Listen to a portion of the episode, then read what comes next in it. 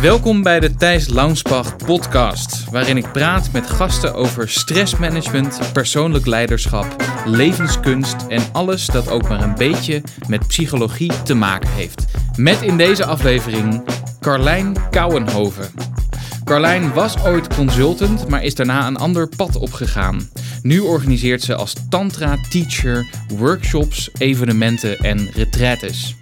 Ik heb twee keer een workshop mogen volgen bij Carlijn en wilde haar sindsdien graag een keer interviewen over tantra en over spiritualiteit in het algemeen. Want als iemand daar op een nuchtere en duidelijke manier over kan spreken, is zij het. In deze aflevering eh, spreekt Carlijn over Tantra en wat dat voor haar betekent, over haar eigen pad, over schudden zonder iets te doen, over energy junkies en over jezelf toestemming geven om te spelen. Of, zoals Carlijn het zelf zegt, ik nodig je uit om te springen. We zitten bij jou thuis, Mhm. wat ook eh, af en toe jouw tempel is, waar we Mhm. vast ook nog op terugkomen straks. Mhm. Op de rand, eh, nou, wat is het? Eh, rand eh, eh, Noord-Zuid-Holland, ergens daartussen het grensgebied. Ja, Tussen het groen. ja. Ehm, ik dacht, het is gewoon leuk om te weten voor mensen. dus als ze af en toe iets horen, dan is dat gewoon jouw huis en de geluiden die daarbij horen. ja. Ehm, kun, je- kun je iets vertellen om, om mee te beginnen over het, het pad dat jij hebt bewandeld van de corporate wereld als consultant bij Deloitte naar wat je nu doet? Ja. Ja, dat lijkt voor sommigen heel ver uit elkaar staand. En ik kom er eigenlijk steeds meer achter dat ik de dingen die ik nu deed ook daar al deed. Alleen kreeg ik er daar niet voor betaald en hier wel. Ehm, het pad wat ik heb bewandeld. Ik denk dat ik vanuit op de middelbare school al interesse had in wat beweegt nou de mens. En hoe vormen de groepen zich bijvoorbeeld op de middelbare school. En waarom hebben wij bepaalde mensen gevolgd in onze geschiedenis. En waarom eh, zetten groepen zich tegen elkaar af. En hoe beïnvloedt de psyche ons daarin. Dus ik heb al jong besloten om toen psychologie te gaan studeren. En vanuit daar wel alle verhalen van mensen heel vervelend ge- gevonden. Ik dacht, ja, ik ga niet dagen of uren lang naar mensen luisteren die klagen over hoe slecht ze het wel niet hebben met zichzelf. Ehm, maar ik was wel geïnteresseerd in hoe komt dat nou en wat gebeurt er in dat hoofd en wat, wat zit er achter het gedrag wat we zien. En toen heb ik sociale organisatiepsychologie gedaan en toen ja, was eigenlijk de stroming van hé, hey, als je echt impact wil maken, als je iets wil toevoegen aan deze wereld, dan moet je in die corporate scene zitten. En ik heb toen een, een bestuursjaar gedaan bij een grote internationale studentenorganisatie. En dat ging ook heel erg over, hé, hey, jij bent de 10% die hoog opgeleid is en die een impact moet maken. Dus wat ga jij high doen? potentials. Wat ga je doen als change leader? Was Oh, het, eh, oké, ja, change leader. Dacht ik, nou ja, dan ga ik bij een, een strategieconsultant eh, werken. Want ja, dat deden mijn vrienden ook. En ik dacht, daar kan ik heel veel bedrijven van, van binnenuit zien en heel snel leren denken. Dus toen heb ik eerst een stap gemaakt naar corporate. En ik dacht, vanuit daar kan ik dan impact hebben. Dus ik heb daar wel eens iets gelanceerd over sustainability of over samenwerking of over ehm, deep democracy trainingen gedaan op een gegeven moment bijvoorbeeld. Ik dacht, daar ga ik dan een impact mee maken. Maar uiteindelijk was de feedback vaak van, ja, hoe ziet dan het verdienmodel daaruit? En dat was voor mij heel erg zoeken van, ja, wacht even, ik voel dat daar zo'n drive zit. En ondertussen doe ik eigenlijk andere dingen ehm, ja, op een dagelijkse basis waar ik niet zo voel dat dat helemaal bij mij past. Dus toen ben ik een beetje gaan kijken van, oké, als ik dat dan niet zo goed van binnenuit kan doen, wat wil ik hier dan nog halen? En wat is voor mij als persoon belangrijk om te ontwikkelen naast ehm, mijn analytische capaciteit? En toen heb ik een sabbatical genomen. Had ik ook plannen om naar Thailand te gaan voor de VN te werken. En weet ik wat voor grote dromen ik had. Toen kwam ik op een verjaardag iemand tegen die zei... Yeah, but it's also Diwali in India when you go. Toen dacht ik, oh, ah, daar, ging iets, eh, daar bewoog iets in mij. En toen ben ik naar India gegaan. En daar begon eigenlijk het stukje meditatie van... ehm, eh, een stukje bewustwording van hoe werkt dat nou eigenlijk echt... en waarom zat ik toen in de corporate wereld eigenlijk niet zo op mijn plek... en waarom bewoog ik nou niet daar vandaan... Toen heb ik voor het eerst een tiendaagse stilte meditatie gedaan. Oké, en eh, mediteerde je al wel daarvoor? Of was het ook de Nee. eerste aanraking? Nee, achter een Excel-document mediteerde ik uren, maar dat was, dat was een iets andere Mooie vorm. ja, ja, ja, ja. Hm. Nee, het was iets anders. Voelde ook wel als een focus of een flow waar ik in kon zitten, maar niet zoals de stilte die ik daar, eh Oké. daar kende. Oké, Nee. dus je ging van redelijk koud ging je een tiendaagse stilte Ja. doen. Hoe was dat? Ja, ja lekker rustig. lekker rustig. Oké. ja. ja, ook heel confronterend. Mhm. Ja, ja ik vond. ehm, ja, in het begin een beetje ongemakkelijk. Ik zat helemaal niet comfortabel van een boereusstoel naar zo'n klein krukje. was echt uh, al hel voor tien dagen. En alles wat ik tegenkwam, ik merkte dat er heel veel frustratie in zat. Of heel veel gedachten die ik niet wilde hebben. En ja, hoe ging ik daar nou mee om? Dat was echt wel een grote ontdekkingsreis in die tijd. Ja. Oké. Ja. Nou, en daar kwam je daar iets tegen waarvan je dacht, oh, dit, dit, dit is dus wat ik wil. Daar ga ik iets mee doen. Nou, ik weet wel nog dat ik op vrijdag of zaterdag toen uit, die, uh, uit dat klooster kwam. En dat ik toen op zondag terugvloog en op maandag weer mijn eerste werkdag had. En dat ik dacht, oh, deze wereld is wel iets anders. Het ging zo snel. En ik weet nog dat we in diezelfde week, geloof ik, een uitje hadden van het team. En dat ik dacht, oh, ik wil alleen maar stilzitten. Ik wil niet op mijn stoel, ik wil op de grond zitten en eigenlijk even mijn ogen dicht zijn. En dat ik dat toen ook heb gedaan. En dat ik, als ik daar nu op terugkijk, denk ik, ja, ik was wel een beetje rebels ook van... Uh, ik moet dat dan nu hier in deze nieuwe omgeving volhouden. Maar ik heb daar toen wel goede gesprekken over gehad met heel veel collega's. Van, hé, hey, wat gebeurt er dan in meditatie? En ja, daar was toch wel een soort van interesse. Hm. Ja. Ja, dus dat was een... Natuurlijk inmiddels hartstikke hip onder, onder corporate meditatie en mindfulness en alles dat ermee te maken heeft. Ja, vijf, zes jaar geleden was dat echt een stuk minder. Hm. Ja. Ja, het was voor de yoga-bubbel en de yoga-boost echt. Ja. Dus dat was eigenlijk het begin van mijn reis. En toen langzaamaan een ontdekkingstocht gedaan van oké, ja, eigenlijk is tien dagen stilzitten ook niet iets wat ik elke maand wil doen. Wat voor vorm wil ik dat dan wel? En toen wat meer naar workshops gegaan waarbij ik geconfronteerd werd met mijn gedachten, met mijn, mijn schaamte, met mijn vrijheid. Met, hoe zit dat waren workshops waar jij deelnemer was? Of ja. Was je, ja. En wat, wat waren dat bijvoorbeeld voor, voor workshops? Poef, ja, kwam toen in aanraking met eigentijdse jongeren. Dat was een jongen, uh, ik weet niet of je er wel eens van gehoord hebt. Ondertussen zijn ze heel groot en door heel Nederland organiseren ze evenementen voor jonge mensen van 18 tot 39, geloof ik. Mhm. En dat waren voor mij hele toegankelijke avonden om daar eens iets, iets met mezelf te gaan ontdekken. Ja, ik weet dat die eerste avond toen Free Yourself heette. En daar gingen we ook schudden, uh, moesten het lijf schudden en een reis door de chakra's maken geen idee wat de chakra's waren. Ik kwam op de fiets van, van werk in mijn pak nog aan en ik weet dat dat een beetje ongemakkelijk zat. En dat ik dacht, uh, wat doe ik hier met al die gekkies? Ja. En wat bedoel je met schudden?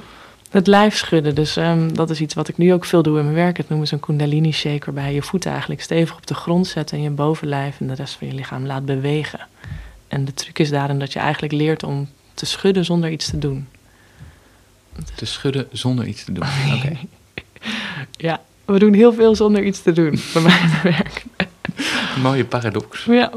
Hm? Ja. Oké. Ja, het is wel grappig, want uh, voordat we dit gesprek begonnen hadden we het erover dat Pippa hier is, een hond. Ja. Uh, ja. De oppashond. De oppashond, die hier toevallig vandaag is. En die schudt ook heel veel. En daar komt het eigenlijk vandaan. Dus als er iets is wat ze eng vindt of wat spannend is voor haar, dan, ja, dan staat ze even stil of is ze het aan het ontdekken. En dan is het gevaar geweken en dan schudt ze. Hm. En wij mensen hebben volgens mij die reactie ook, alleen hebben we dat verleerd. Oké. Dus vaak bij angsten schudden we veel om het lijf maar hoef, te laten ontspannen. En dat is ook wat, wat ik vaak merk als ik heb geschud, dat mijn lijf ontspant. Hm. Ja. Het is een manier om spanning kwijt te raken. Ja. En hoe doe je dat zonder iets te doen dan? Ja, bij mij gaat het schudden automatisch. Ah, oké. Op dit moment. Ah. oké, je hebt het jezelf weer aangeleerd. Soms vrijwillig, soms onvrijwillig. Ja. Net zoals Pippa. Ja. Oké. Ja. En in het begin doen we dat met oefeningen. Ja, een bekende meditatie is bijvoorbeeld de Kundalini-meditatie, waarbij je eerst 15 minuten schudt en dan 15 minuten op een andere manier je lijf laat bewegen en dan stil staat of stil zit in een soort van meditatie en dan uiteindelijk in de Shavasana, net als bij de yoga op de grond uh, ligt. Hm. Ja. Die hebben we gedaan, weet ik nog. Schiet minuten binnen. Ik heb uh, voor de luisteraar twee keer een, een, uh, een workshop of een retreat meegemaakt bij Carlijn. En, en op, een, op de tweede daarvan hebben we die gedaan, weet ik nog. Ja. Ja, het helpt om meer in dat lijf te zitten. Ja. En dat is ook wel die hele reis geweest van corporate naar daarbuiten. Van wow, ik zit zoveel in mijn hoofd. Ik ben zoveel bezig met alle gedachten en maar sneller kunnen denken en maar meer dingen tegelijkertijd doen. Oh nee, dat mag dan niet, want dat moet mindful zijn, dus maar één ding tegelijk. Maar dan wel efficiënter en productiever. En ik sportte dan wel, maar wat gebeurde er echt in mijn lijf? Daar was ik eigenlijk het gevoel een beetje eh, mee kwijt. Hm. Ja, en zo'n kundalini helpt voor mij om dan weer in dat lijf te zakken. Ja. ja. Ja, en daar zit eigenlijk heel veel wijsheid. dit was dus parallel aan dat je nog werkte in die corporate wereld. Dus je had een sabbatical gehad. Ja. Je was in stilte geweest. Ja. Je was teruggekomen en probeerde dat te integreren in wat je deed. ja. En toen? En toen liep ik even vast. Oké. dat ging wat minder dan dat ik in mijn hoofd had eh, gewild. Ehm, ja, ik had gehoopt dat ik tijdens die sabbatical allerlei inzichten had gehad over wat ik dan wel zou willen en hoe dat dan zich zou manifesteren. Die kwamen maar niet. En ook terug ja, in de maatschappij ging ik niet een uur eerder mijn bed uit om weer stil te zitten. En eh, was ik op zoek naar andere manieren om dat meer te kunnen integreren. Want ik voelde wel dat het goed voor me was, maar hoe Mhm. ik dat ook echt kon toepassen, vond ik lastig. Dus ik heb toen wel wat trajecten gedaan eh, met een coach. En eh, op een gegeven moment zelfs psychologen die, die ook methodieken aanraden. Ging ook over acceptatie van het nu en van het daar dan weer een beweging maken. Ehm, en dat soort trajecten hebben me wel tools gegeven waar ik wat aan had. Maar toen heb ik een jaar nadat ik terugkwam van die sabbatical weer zo'n avond, zo'n avond gedaan. En toen dacht ik, dus ik keek om me heen, ik dacht, wat voor gekkies zijn dit? En toen het einde van de avond stond ik huilend bij de wc en dacht ik, wow, er gebeurt van alles.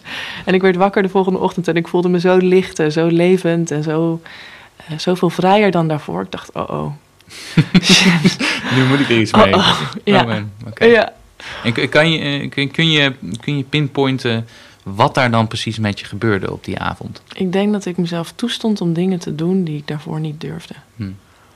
Van bijvoorbeeld dat schudden. En ik weet nog dat er een oefening was waarbij ze, eh, waarbij ze zeiden: van, ja, laat het geluid maar los. Maak maar geluid of maak jezelf maar boos.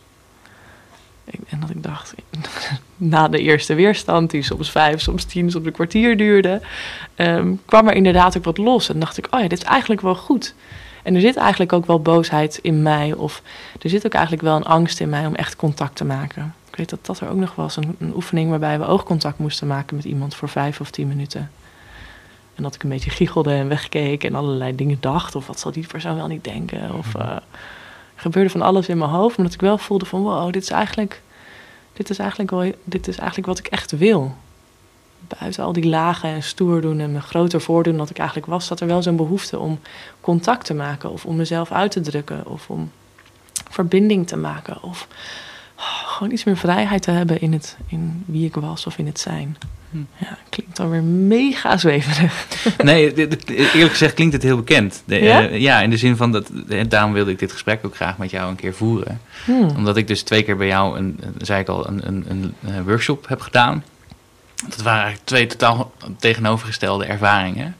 En de eerste keer dat ik dat deed, was min of meer, nou, dat was een ervaring die hier wel erg op leek. Dat ik, inderdaad, jij, jij vroeg, eh, jij nodigde ons uit om, ehm, eh, volgens mij met onze ogen dicht geluid te maken. En ons ook verder niet zoveel aan te trekken van de andere mensen in de ruimte.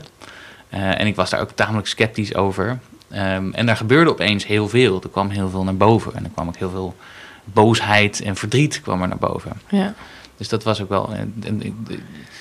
de tweede keer was grappig genoeg een hele andere ervaring. Waarin ik juist ontzettend blij was met ehm, dat ik even kon spelen binnen de ruimte van die workshop. Dat Hmm. was een hele ehm, vreugdevolle ervaring. Ja.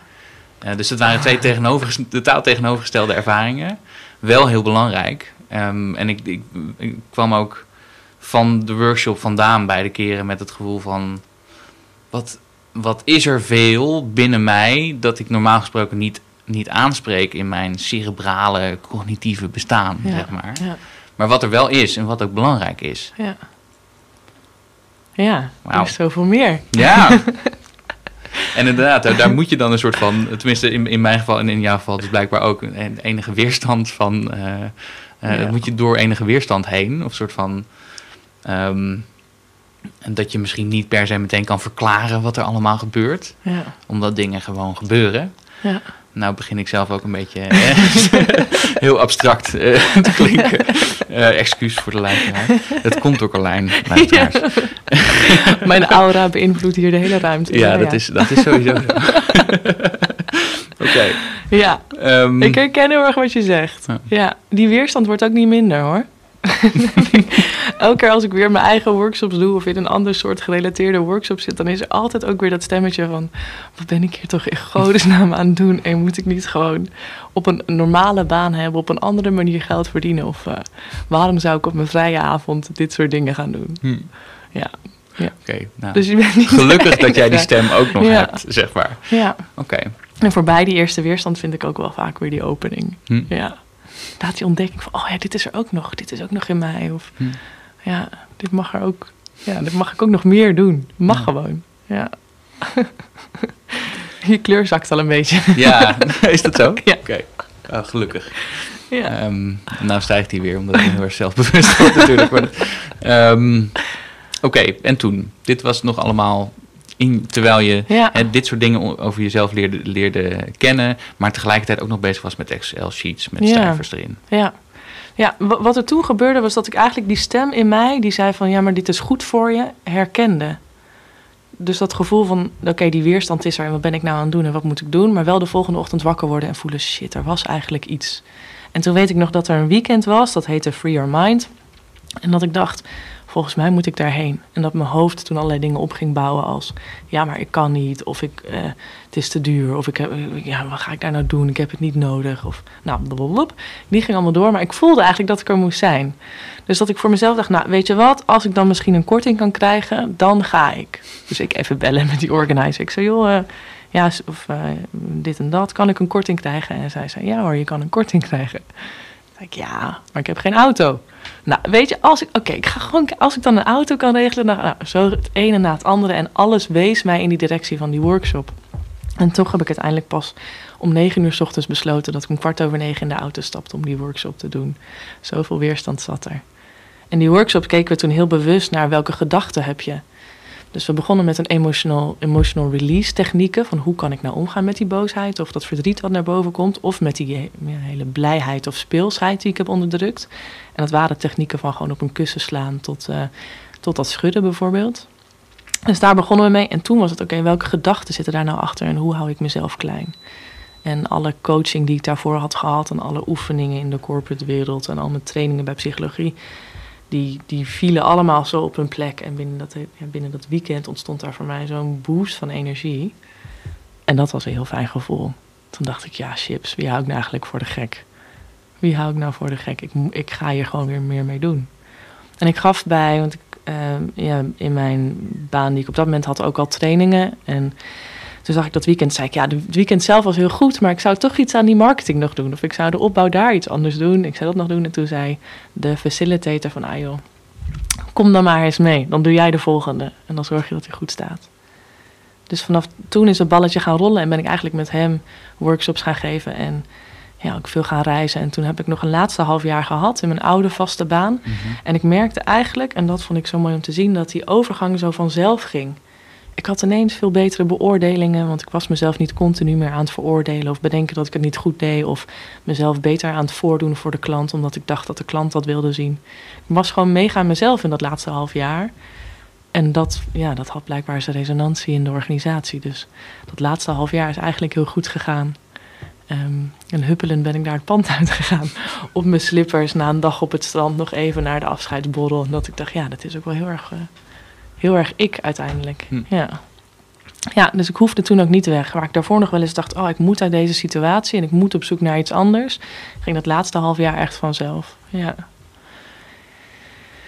Ja, mooie reis. Oké, ja. Ehm, dat is natuurlijk, dan heb je één hoofdstuk van de reis gehad, maar dan volgt Ja. er nog een hele hoop. Ja, Ehm, want eh, ik wil natuurlijk naar van, van The Magic of Love ga je dan naar je eigen ehm, plek, in Ja. je eigen organisatie.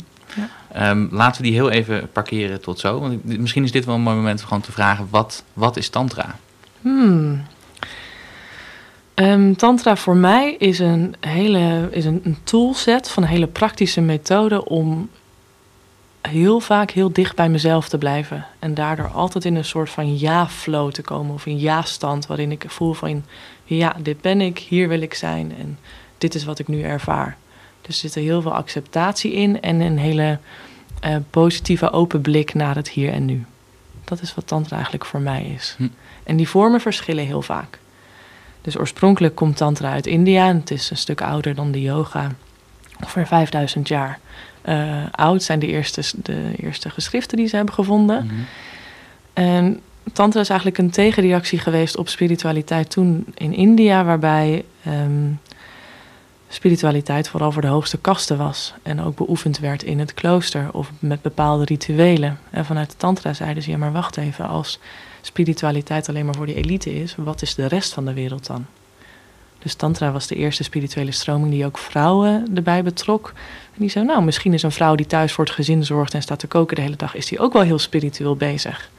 Dus Tantra gaat ervan uit dat elke bezigheid heel spiritueel of heel, um, heel blissvol, heel voldoenend kan zijn.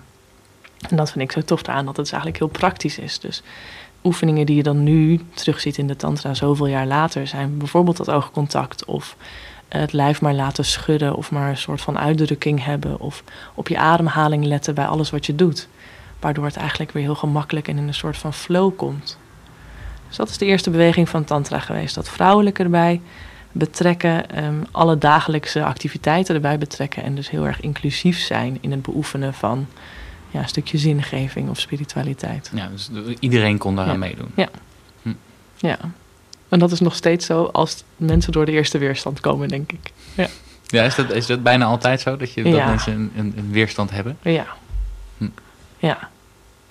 Ja. Vaak is ook hoe meer weerstand, hoe meer energie er dan uiteindelijk weer doorheen kan bewegen. Dus hoe groter de opening ook is. Hm.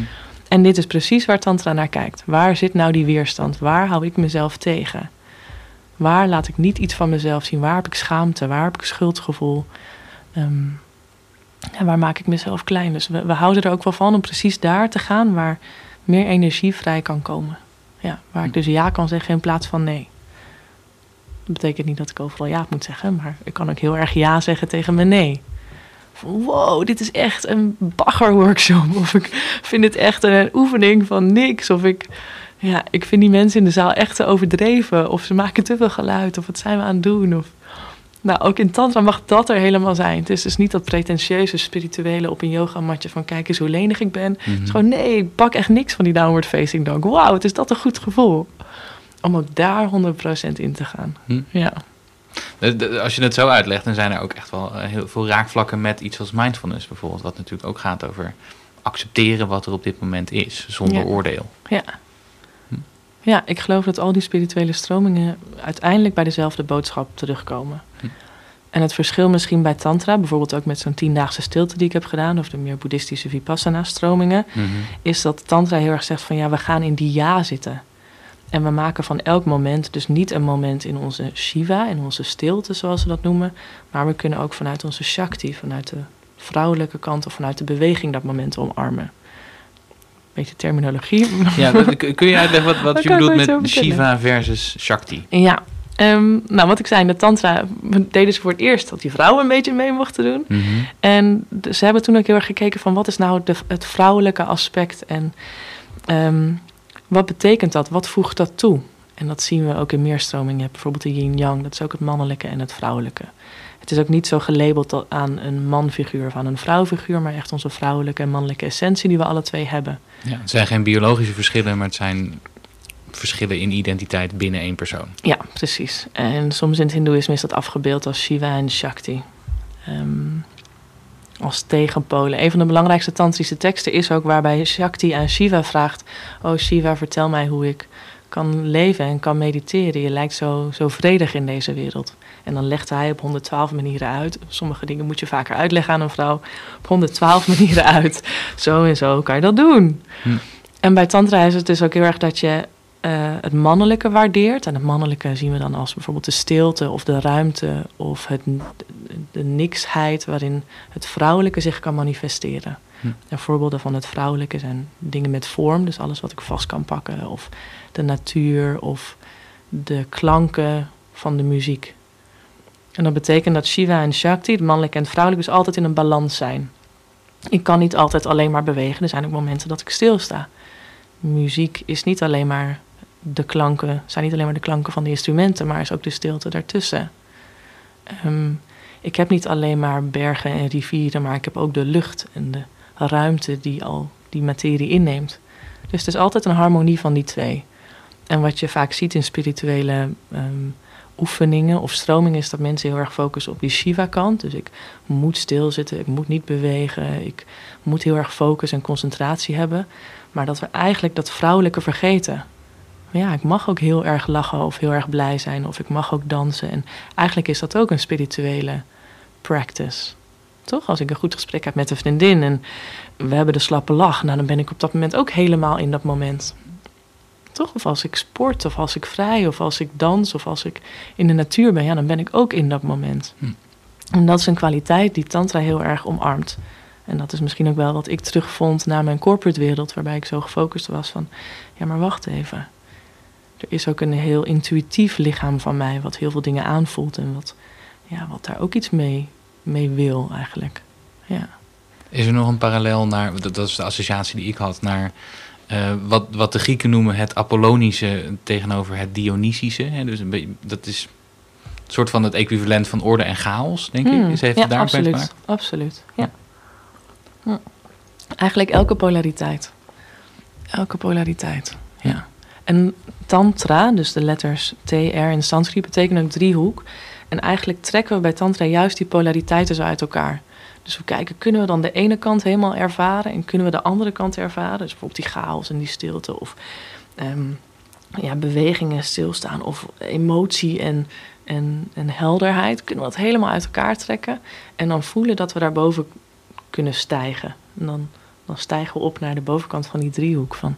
hé, hey, we hoeven de wereld niet in polariteiten te zien, maar eigenlijk is dat één. Er zijn best een aantal eh, behoorlijke preconcepties over, over tantra. Hmm. Um, valt mij op, in ieder geval. Dus ik dacht, misschien is het leuk als we die, uh, als ik je die voorleg en als je daar iets over kunt zeggen. Ja. Um, en denk misschien wel de allerbelangrijkste is uh, dat, het, dat het een seksding is. Of dat het altijd, altijd te maken heeft met seksualiteit. Um, voor mij niet. Misschien voor andere mensen is dat anders. Um, van die 112 sutra's, die uitleg van Shiva en Shakti over hoe ze kon mediteren, daarvan gaan er 11 over een vorm van sensualiteit en seksualiteit. Waarbij hij bijvoorbeeld zegt: um, laat al je senses opengaan en ontdek daarin de rijkdom. Van je neus tot je ogen, uh, je oren, alles. Laat alles maar binnenkomen in volle intensiteit. Nou, dat is een van die elf die meer sensueel of seksueel getint zijn.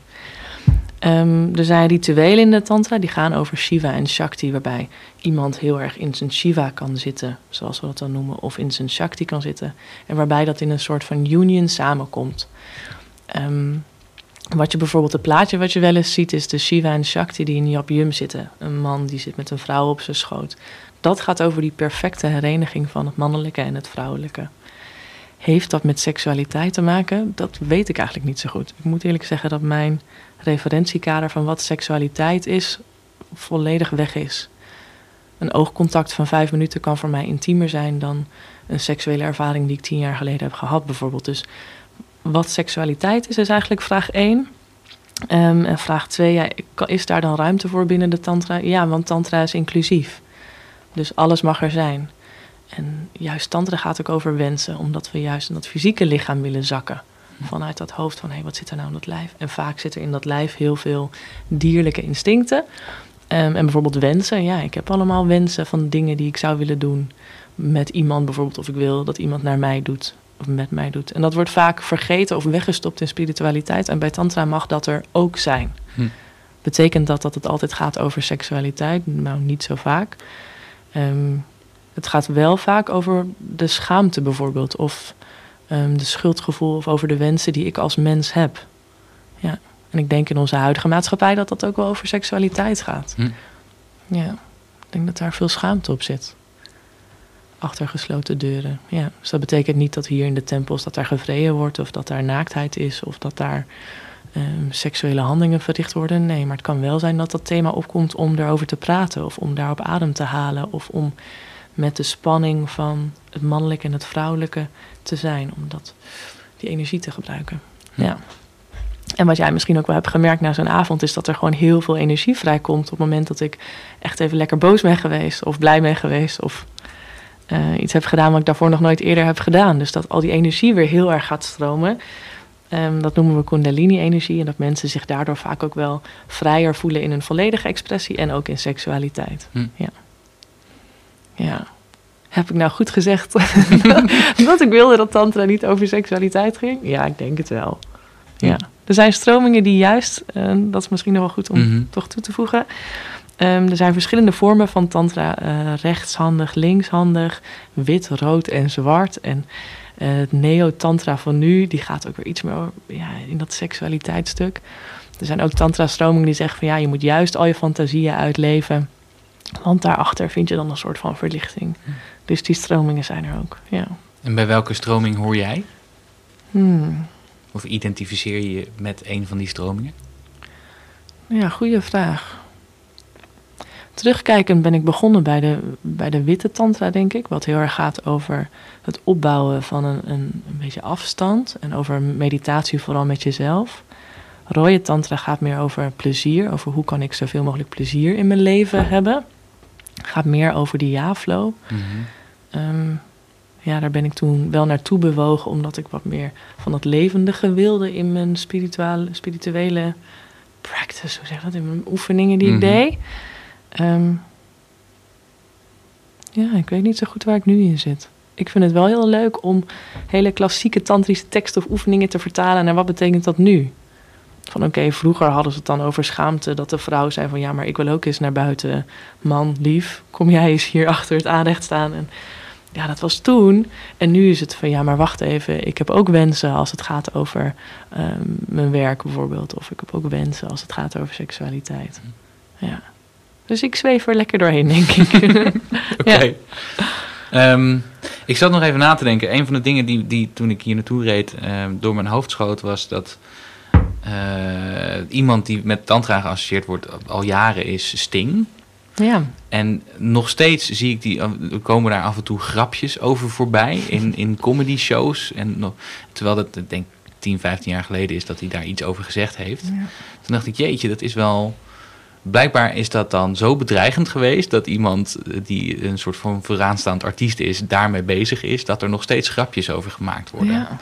Ja. En nu je dit zegt, denk ik, heeft het misschien daar ook mee, mee te maken met dat het, dat, het, dat het ook wel bedreigend is om de schaamte voorbij te gaan eh, binnen seksualiteit of ehm, het, eh, de- chaos in jezelf te, te, te confronteren. Ja. Wat, ik heb niet een concrete vraag, maar wat, wat, wat, wat denk jij erover? ja, of de liefde in mezelf, hè. Ja. Als je kijkt naar het, het chakra-systeem of naar de opening, dan hebben we het vaak over seksualiteit voor de vitaliteit. Dat is het laagste chakra. En het hartchakra, wat ook gaat over liefde ervaren. En het derde oog, wat meer gaat over intuïtie en over het vertrouwen in het leven. En misschien wel een connectie met iets wat er wat hoger is dan ons. Ehm, ja, en ik denk dat Sting voor mij ook heel erg op dat hart gerelateerd zit. Ik voel altijd heel veel liefde in zijn muziek. Maar ik denk dat dat heel bedreigend is, ja. Ja, dat is, dat, dat is ook de weerstand, denk ik, die jij en ik alle twee ervaren hebben als we naar zo'n workshop gaan.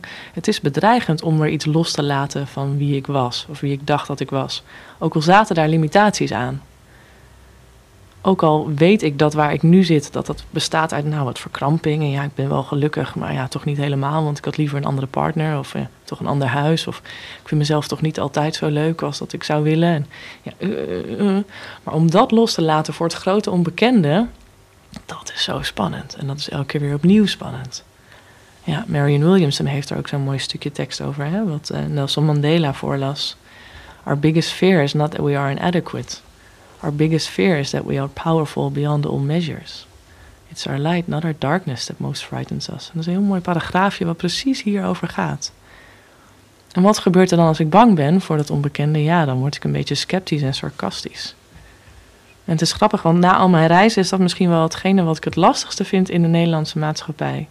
Hoeveel sarcasme en ehm, sceptici er rondlopen, hoeveel weerstand er is in mensen die iets anders doen of die iets, ehm, iets openen. En dat, dus dat zie ik terug in grappen, maar ook in krantenkoppen of in eh, ja, interviews die ik zie op radio en televisie.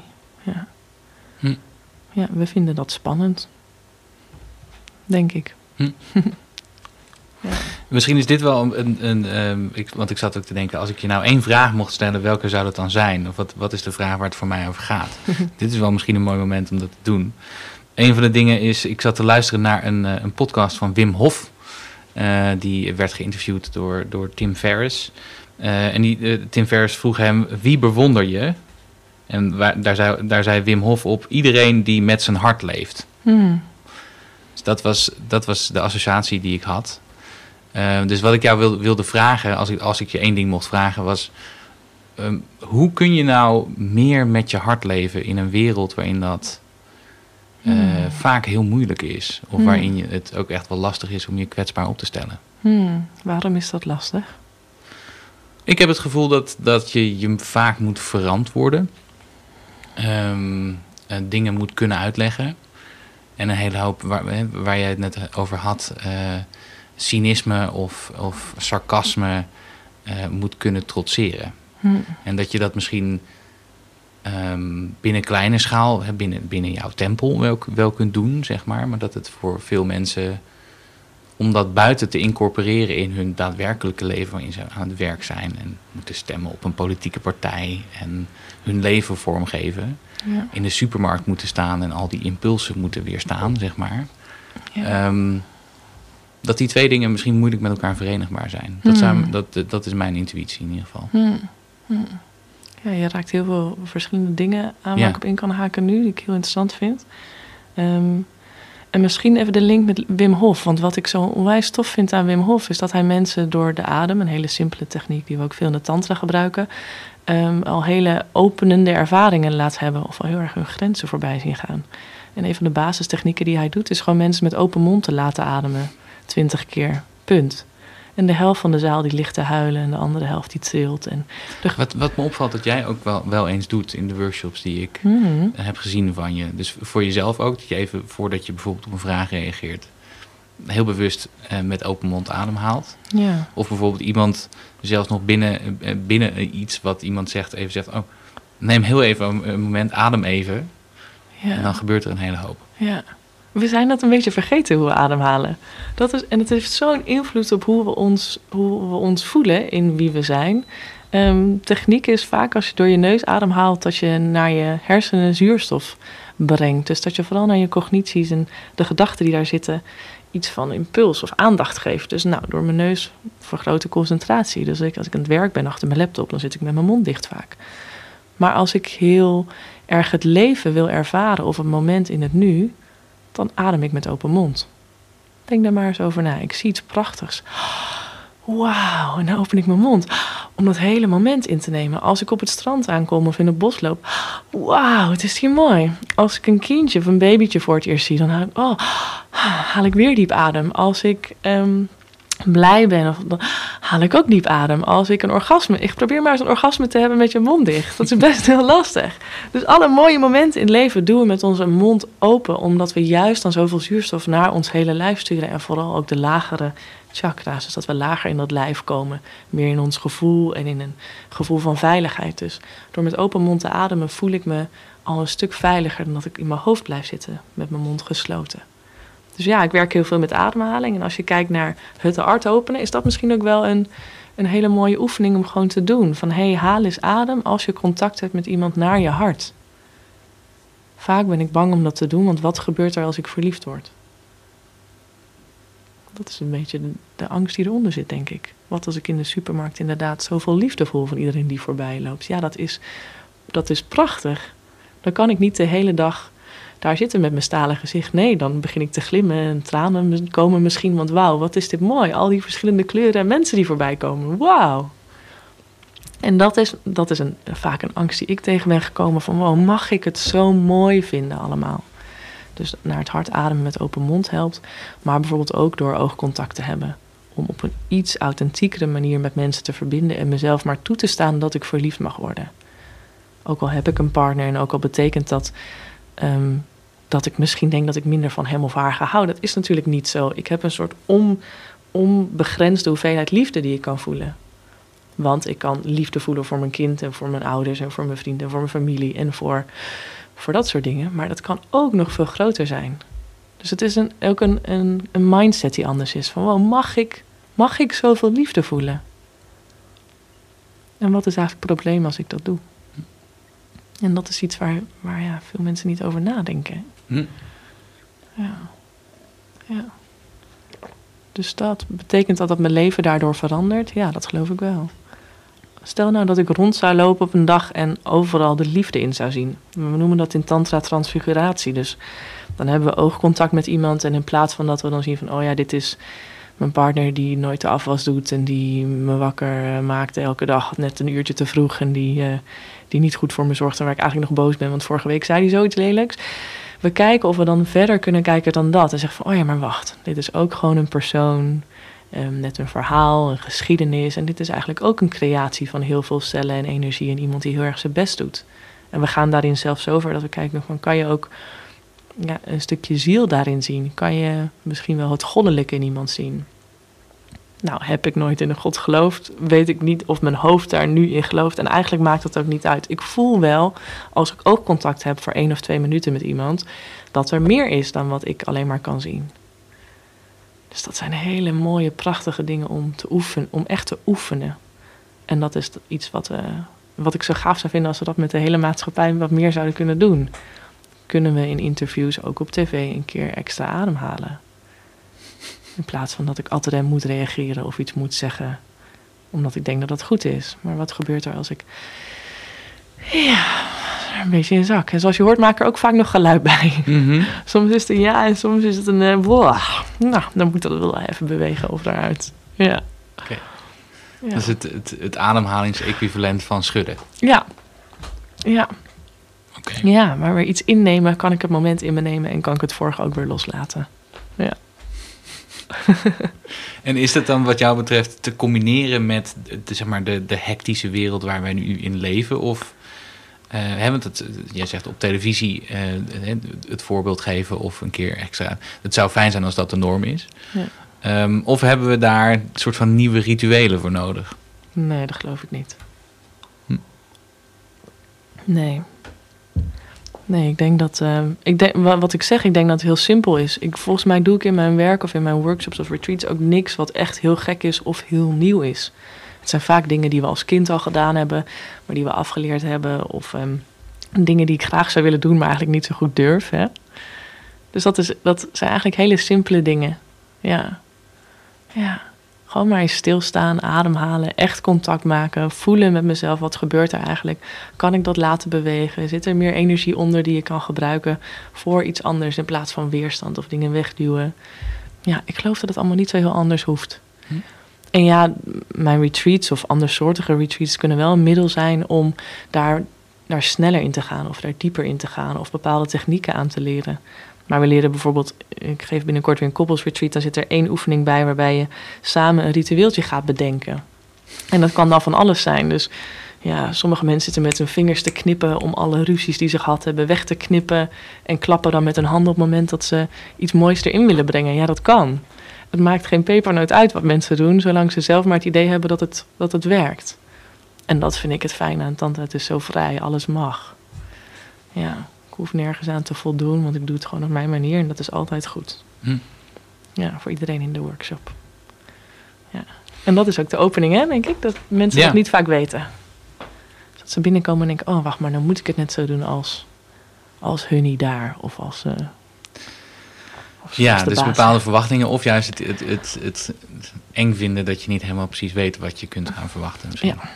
ja. Ja, dat zegt um, Osho. De meesten hebben de mhm. documentaire wel gezien. Um, we doen wel eens dynamic meditation en daar zitten drie van mens grootste angsten in. Um, en een van die angsten is dat ik zeg de grootste angst van mensen bijvoorbeeld om gek te worden. Dus je hebt ook een madness stage waarin je echt gek mag worden. Je hebt de angst om dood te gaan. Dat is als je echt stilstaat en dat je niet luistert naar je hoofd, maar je lichaam stil laat staan, ongeacht wat er in je, je hoofd is. Dus je gaat daarin dood. En de angst voor orgasme. Dat is een van de drie basisangsten van de mens. Is het zo? Ja. Zegt hij, ja, ja, ik weet het niet. Ik dacht dat het spreken in openbaar was. Zou zomaar kunnen. Heeft daar ook mee te maken. Goed, als mensen daar luisteren en denken, oh, dit gaat me wel heel snel. Um, ik zal ook nog even zorgen dat er wat van de informatie uh, in deze podcast in de beschrijving staat. Zodat, uh, uh, zodat je dat niet allemaal mee hoeft te schrijven. Bijvoorbeeld de Dynamic Meditation van Osho. En de, de prachtige quote van Marianne Williams die, die je zei. Nou ja, een van de dingen is die, die me nu te binnen schiet, is dat je, als je het zo uitlegt, gaat het heel erg over ruimte. En gaat het mhm. ook over plezier. En over de ruimte voelen om te doen wat je, wat je zelf wil. En dat is, het schoot me te binnen dat ik, eh, een, ik had de associatie de vorige keer dat ik in je workshop was. Ehm, het, is, het is een heel raar verhaal. Als ik er niet helemaal uit kom, dan ik vind het gewoon uit. Want dat kan. Ehm, eh, in een vorige relatie had ik ehm, honden. En dat waren, uh, ja, dus dat waren, dat waren stevige honden waar mensen ook nog een beetje bevreesd soms over waren. Hartstikke lieve beesten waren het. Um, en als ik die ging uitlaten, dan op de plekken waar de het meeste verkeer was om je heen, dan moest je die honden natuurlijk zo dicht mogelijk bij je houden aan een lange lijn, zeg maar. En als je dan iets vrijer was, of iets, iets meer eh, op een soort van grasveld of zo, dan kon je die lijn laten vieren en dan kon die veel langer. Um, en dan was, was de actieradius waarin die hond kon bewegen was veel groter. Dat was de associatie die ik, die ik de vorige keer had toen we, toen we hier uh, een workshop hadden.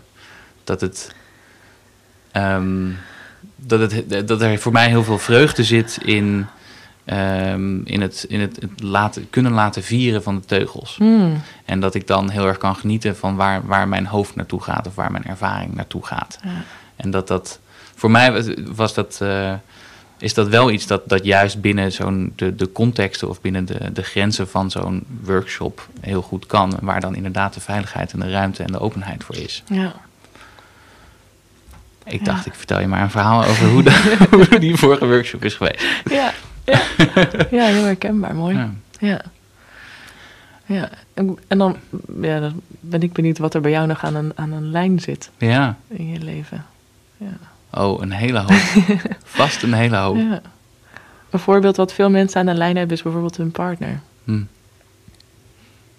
Van ja, als je dichtbij bent, dan ben, ik, dan ben je veilig.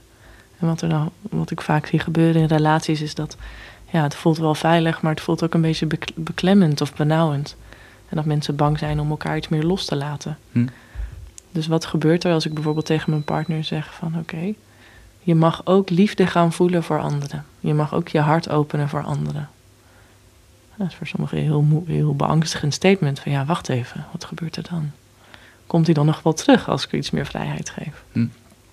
En vaak is het zo dat, wat je bij honden misschien ook wel hebt gemerkt, is dat ze dan weggaan en dan hebben ze die vrijheid en dan worden ze zo blij van en zo, zo vol van, dat als hij dan terugkomt, dat hij eigenlijk ook weer beter te houden is dan, dan daarvoor, toch?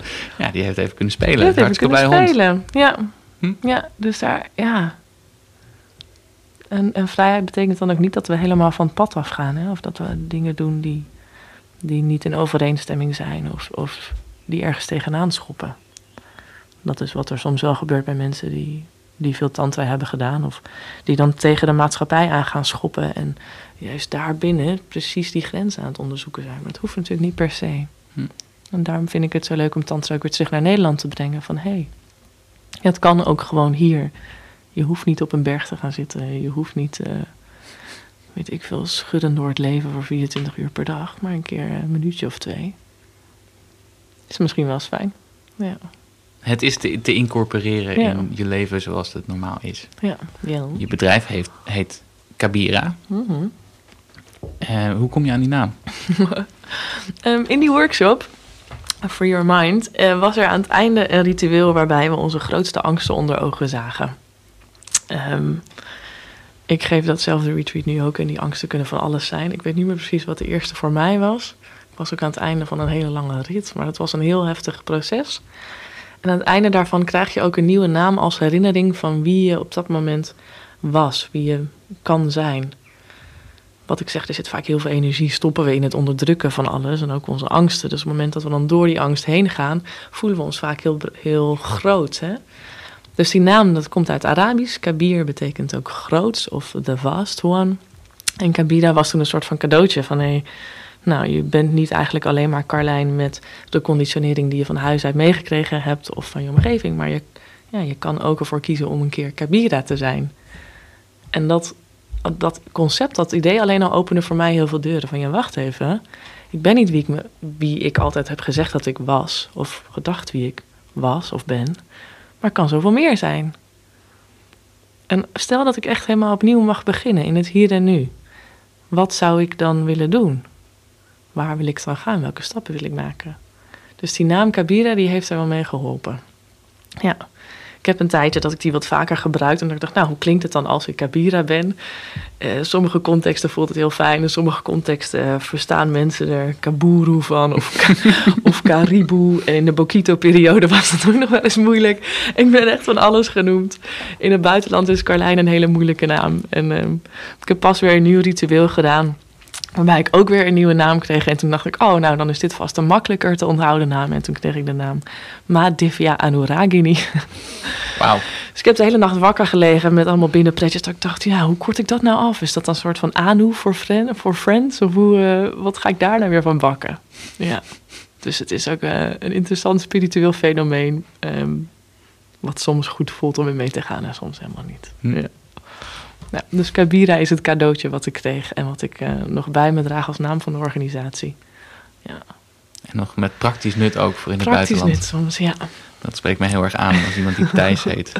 wat wordt dat? Ja, Thies, Thies, nee, ze komen nog, ik, ik, als ik nu iemand opbel in het buitenland, zeg ik altijd zeg maar Matthew, want dan komen, daar komen ze wel uit. ja. Um, ja. Goed. Misschien je kan ook altijd je eigen spirituele naam nog daaraan vastplakken. Ah, misschien moet ik ja. dat doen. Ja ben ooit wel een keer. Ik heb, ik heb een, een, een Keniaanse stamnaam.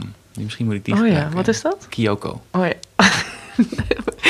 nee, ben ik ook niet zo lekker. Nee, hè? Nee, nee. Hij staat je wel goed. Oké, gelukkig. Ja. We blijven proberen.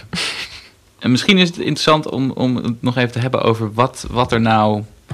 Uh, wat je doet in zo'n workshop.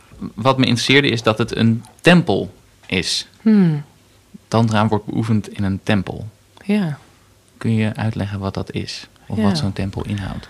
Ehm, dat was eh, een van de eerste tantra-workshops waar ik naartoe ging. Dat ging ook over het tempel zijn. Ik ging de tempel binnen.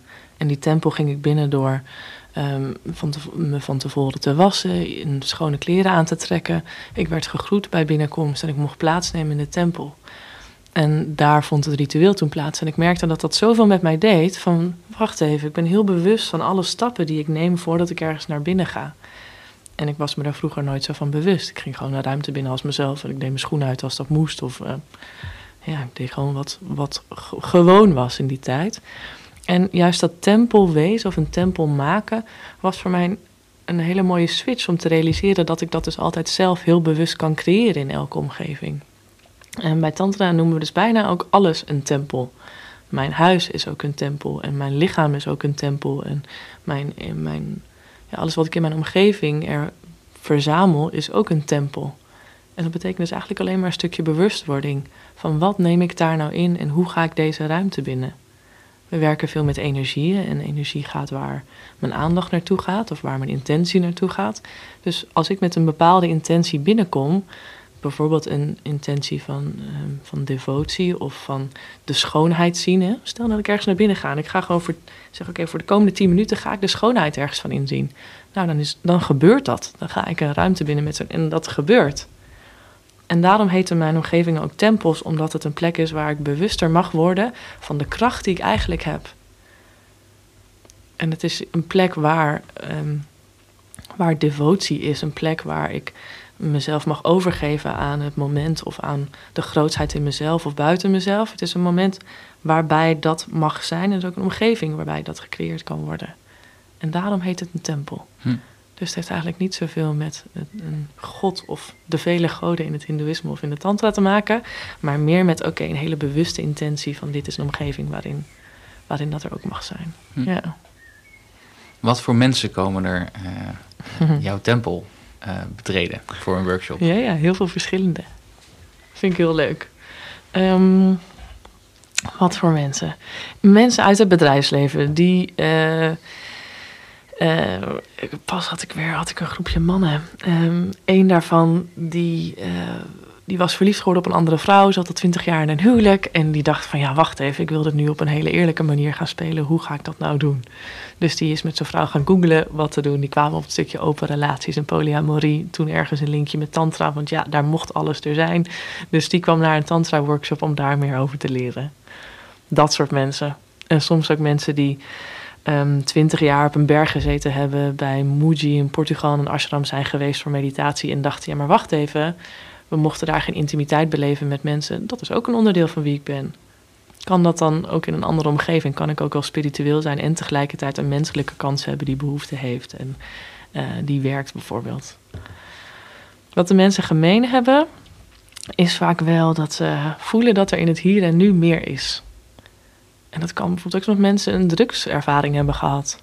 Dat ze op een festival hebben gestaan en voelden: wow, ik voel de hele dag zoveel liefde voor iemand. Waarom is dat voorbij als ik op maandag weer bij het kopieerapparaat sta? En, en die ervaring willen ze of dan weer, weer hebben, een keer begrijpen hoe dat kan zonder zo'n drugsstimuli. dus uh, er zit wel altijd een soort van: tell me, what else is there? What else is there? Ja, en je hebt de energy junkies. Dus dat zijn mensen die heel veel energie door hun lijf hebben gevoeld na zo'n opening. En elke keer maar weer een grotere opening willen op het moment dat ze die tempel binnenwandelen. Hm. Ja. En vinden die dat ook? Zo is het ook wel leuk om daar dan de stilte mee in te gaan. Ja. Ja, want een van de traditionele tantrische methodes bijvoorbeeld om... Uh, in Khajuraho in India heb je tempel, zitten mensen aan vier kanten van de tempel... En alleen maar kijkend naar beelden die dan schaamte of desire, wensen zouden opwekken bij ze. En dan zitten ze dus weken, soms maanden te mediteren.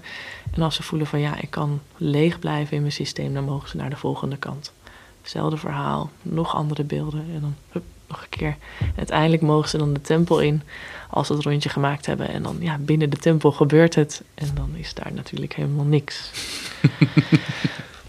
ja, dat is misschien ook de reis van het tantra. Hm. Ja. Oké. Ja, ik vind het leuk om mensen altijd op een andere been te zetten dan, uh, dan waar ze op staan. Zoals je misschien wel gemerkt hebt. Zeker, ja. Ja, ehm, ja en wat, wat, mij, eh, wat, wat ik heel bijzonder vind, hoe jij dat in, in workshops doet... Um, nou heb je ook volgens mij, je hebt een, een groepje mensen die jou assisteren soms. Wat ook hele, um, wat mensen volgens mij zijn die, die, die een, een ruimte kunnen houden. Um, Vage term hoor. Ja, goed hè.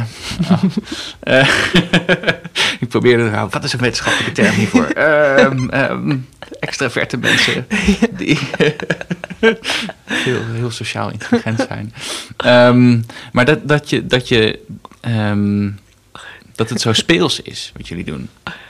Ja. Uh, me op. In ieder geval dat, dat jullie op een hele speelse en natuurlijke manier mensen weten uit te nodigen om langs die weerstand te komen. Of in ieder geval mij weten uit te nodigen om langs die weerstand te komen. Ja. Dat vond ik heel vet. En daar viel het je op dat het met plezier was en speels. Vergeleken bij de andere ruimtes die je kende. Ja. Oh, ja. Ja. Ja. ja, dat hoop ik ook wel altijd zo te, te houden. Ja. Er is ook heel veel speelsheid en heel veel vrijheid, denk ik, op het moment dat ik niet zo bezig ben met al die gedachten. Hm. Er zit eigenlijk zoveel ruimte. Ja.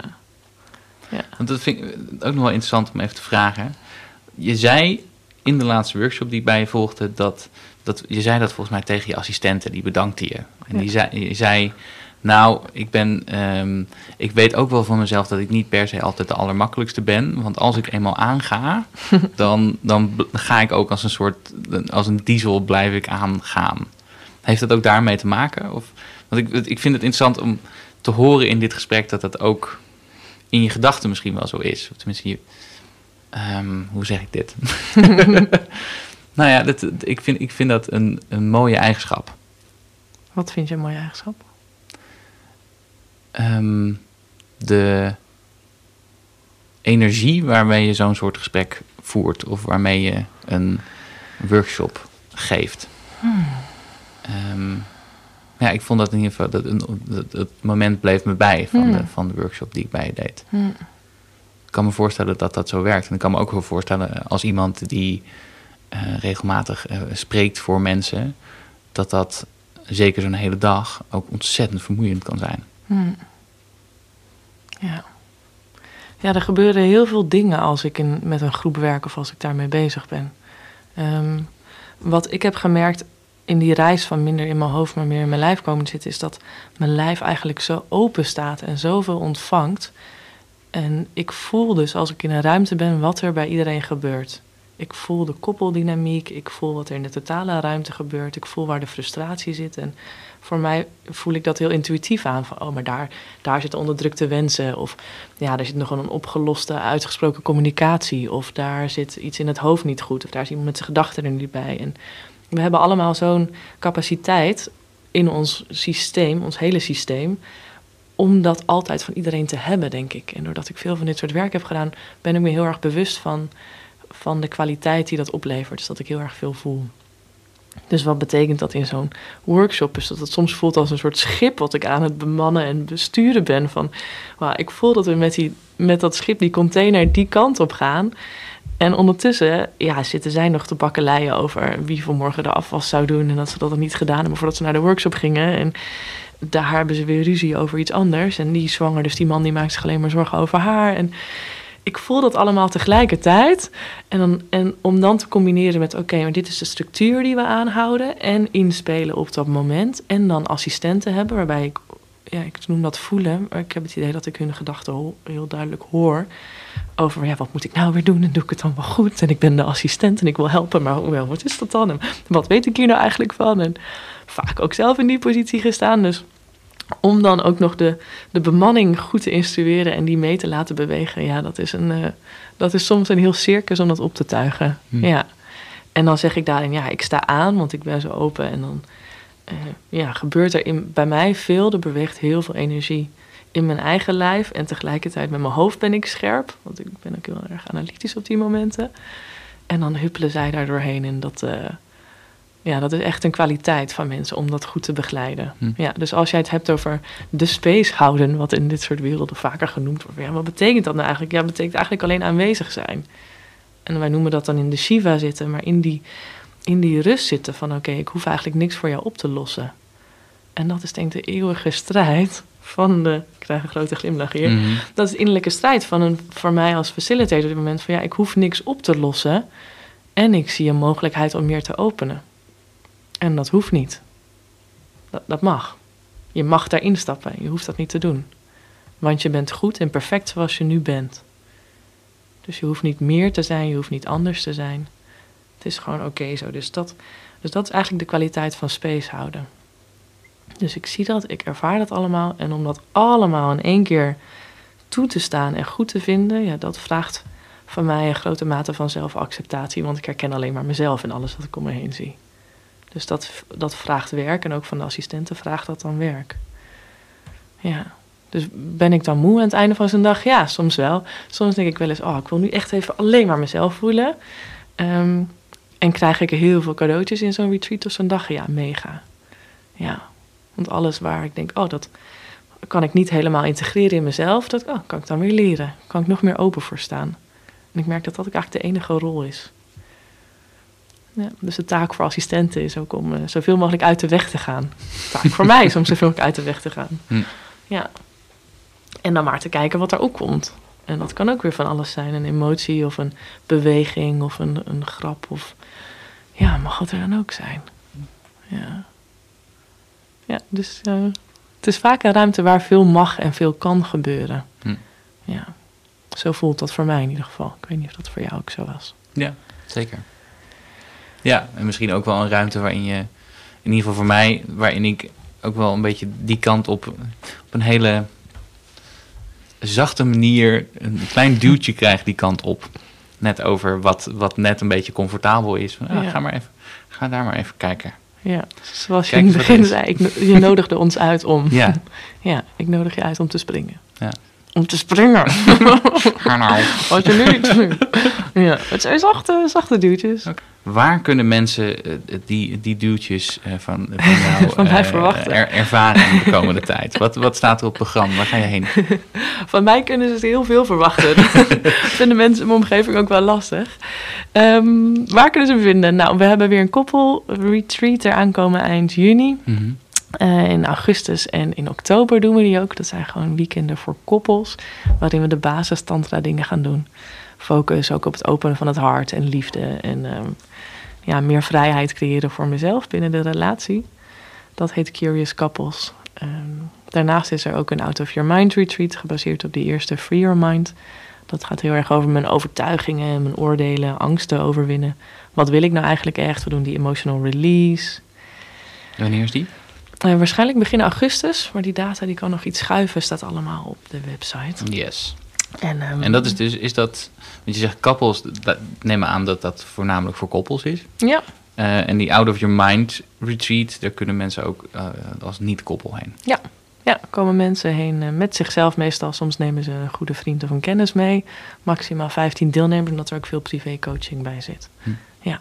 ja, en dat is dus het retreat dat voor mij zoveel heeft geopend. Dus dat voelt ook als een eh, groot cadeau om dat weer te mogen houden. Hm. Ja.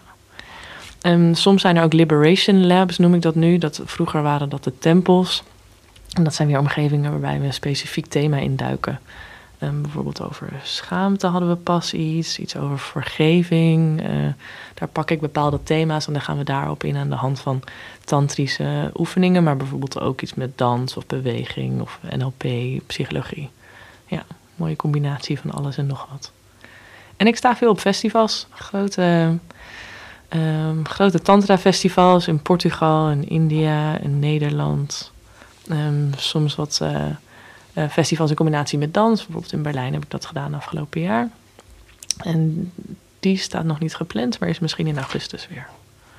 Oké, ja. en als mensen nou dit horen en denken, nou, ik zou wel naar zo'n workshop willen, maar kan ik dan wel een korting krijgen? Of is er wel een auto die ik kan krijgen, kan krijgen daartoe? Waar kunnen ze dan uh, uh, hallo komen zeggen of even komen checken bij je? Ja, ze mogen altijd direct contact opnemen, gewoon via de mail of via Facebook of op wat voor manier voor hen schikt. Ja.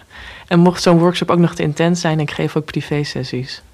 En dat doe ik voor koppels, um, maar ook absoluut voor, uh, voor singles of individuele mensen die dan komen en zeggen: hey, ik wil dat wel eens ervaren. Kun je dat eens met mij doen? Of kun je me wat tantrische oefeningen uitleggen? Dat is ook allemaal heel goed alleen te ervaren. Dankjewel en dankjewel voor je tijd en voor je uitleg en voor deze mooie uh, uh, manier van reflecteren op je werk. Um, ja. Graag gedaan. Carlijn Kabira de Westman Kouwenhoven. Dankjewel. Graag gedaan. Je luisterde naar de Thijs Launsbach podcast. De links, de namen en de informatie uit deze aflevering kun je vinden in de omschrijving. De muziek voor deze podcast werd gecomponeerd door Bart Liebeert en Hugh Blaines. Je kunt je voor deze podcast abonneren, dan krijg je een melding wanneer er weer een aflevering online komt. Dit kan via iTunes, via Spotify, via de andere podcastkanalen of via thijslaunsbach.nl. En mocht je daar dan toch zijn, schrijf je dan vooral ook in voor mijn nieuwsbrief. Dan hou ik je op de hoogte van alle nieuws rond boeken, columns en podcasts.